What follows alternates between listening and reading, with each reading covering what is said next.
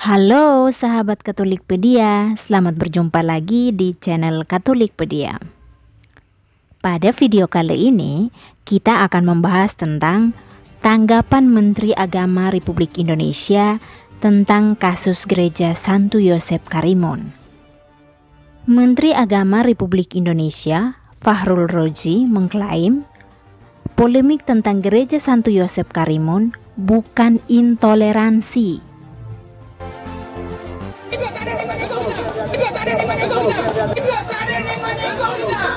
Hal itu ia kemukakan setelah mengirim utusannya ke Tanjung Balai Karimun, Kepulauan Riau untuk mendalami kasus tersebut. Saya diutus ke Karimun. Intinya, di sana tak ada masalah intoleransi. Hanya masalah IMB, kata staf khusus Menak Ubaidillah Amin Mus, seperti dilansir dari tempo.com.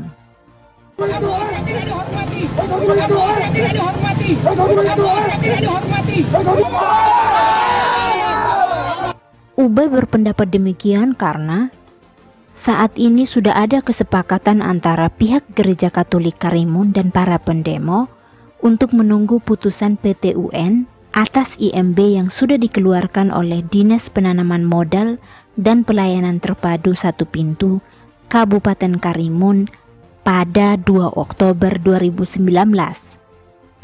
Proses sidang perdata itu sudah memasuki tahap pembacaan replik atau tanggapan tergugat. Penolakan renovasi gereja di Santo Yosep Karimun sudah dimulai sejak 2013. Saat panitia pembangunan hendak melakukan peletakan batu pertama untuk mulai renovasi pada 25 Oktober 2019 juga di demo. Kemudian, masa yang tergabung dalam Forum Umat Islam Bersatu kembali melakukan aksi tolak renovasi gereja Santo Yosep Karimun pada 6 Februari 2020. Insiden ini memaksa polisi dan pemerintah daerah turun tangan. Berbeda dengan Menteri Agama dan utusannya, Komnas HAM justru menilai polemik gereja Karimun adalah bukti kegagalan negara dalam menjamin kebebasan beribadah. Apalagi pada perkembangan terbaru, seorang umat gereja Santo Yosep Karimun, Romesko Purba, dilaporkan ke kepolisian Resor Karimun dengan tuduhan penghinaan terhadap umat Islam dan ujaran kebencian melalui postingan di Facebook. Romesko dipanggil dan diperiksa polisi pada 12 Februari 2020. Komisioner Komnas HAM BK Ulung Hapsara menilai pemanggilan tersebut merupakan sinyal bahwa negara tidak adil dalam memperlakukan seluruh warganya alih-alih melindungi hak konstitusional warga untuk beribadah dengan nyaman. Negara malah tampak lemah, sehingga membuka peluang kelompok intoleran mendapat ruang untuk mendesakan agenda mereka, ujarnya. Mirisnya lagi, kata BK, seperti diberitakan media Indonesia, pemerintah lokal dan kepolisian setempat terkesan menyetujui sikap intoleransi masyarakat setempat dan bahkan menyulutnya. Saran bupati dan kapolres setempat untuk dilakukannya relokasi justru menjustifikasi masyarakat untuk menolak renovasi gereja. Perihal pemanggilan dan pemeriksaan terhadap Romesko, Menteri Koordinator Bidang Politik Hukum dan Keamanan Mahfud MD justru mengatakan bahwa ia sudah perintahkan agar tidak ada pemanggilan dan pemeriksaan. Saya bilang, siapa pun dia, jangan dipanggil polisi dulu sebelum ada putusan pengadilan.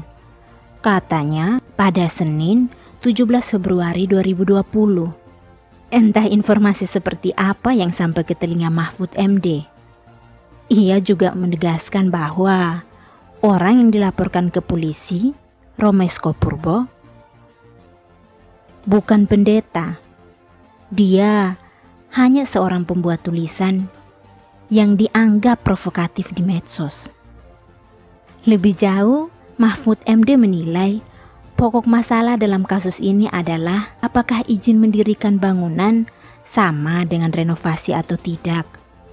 Inilah yang akan diputuskan di pengadilan tata usaha negara. Sementara itu, ia juga mengklaim bahwa polemik renovasi gereja Katolik Santo Yosef Tanjung Balai Karimun sudah selesai. Alasannya, para tokoh sepakat menahan diri dari macam-macam pernyataan dan tanggapan dari pihak pemerintah tersebut. Kita dibuat bingung yang benar yang mana? Atau paling minimal pernyataan siapa yang harus kita percayai?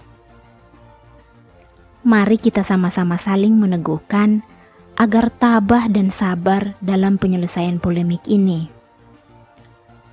Besar harapan kita, umat Katolik Peruki Santo Yosep Karimun bisa mendirikan tempat ibadah yang aman, nyaman, seperti umat agama lain di banyak daerah di seluruh Indonesia yang kita cintai ini.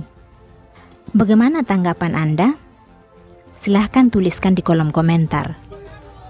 Bila kamu suka dengan video ini, silahkan komen, like, share, dan yang paling penting adalah subscribe agar Katolikpedia terus berkembang. Sampai jumpa. Tuhan memberkati.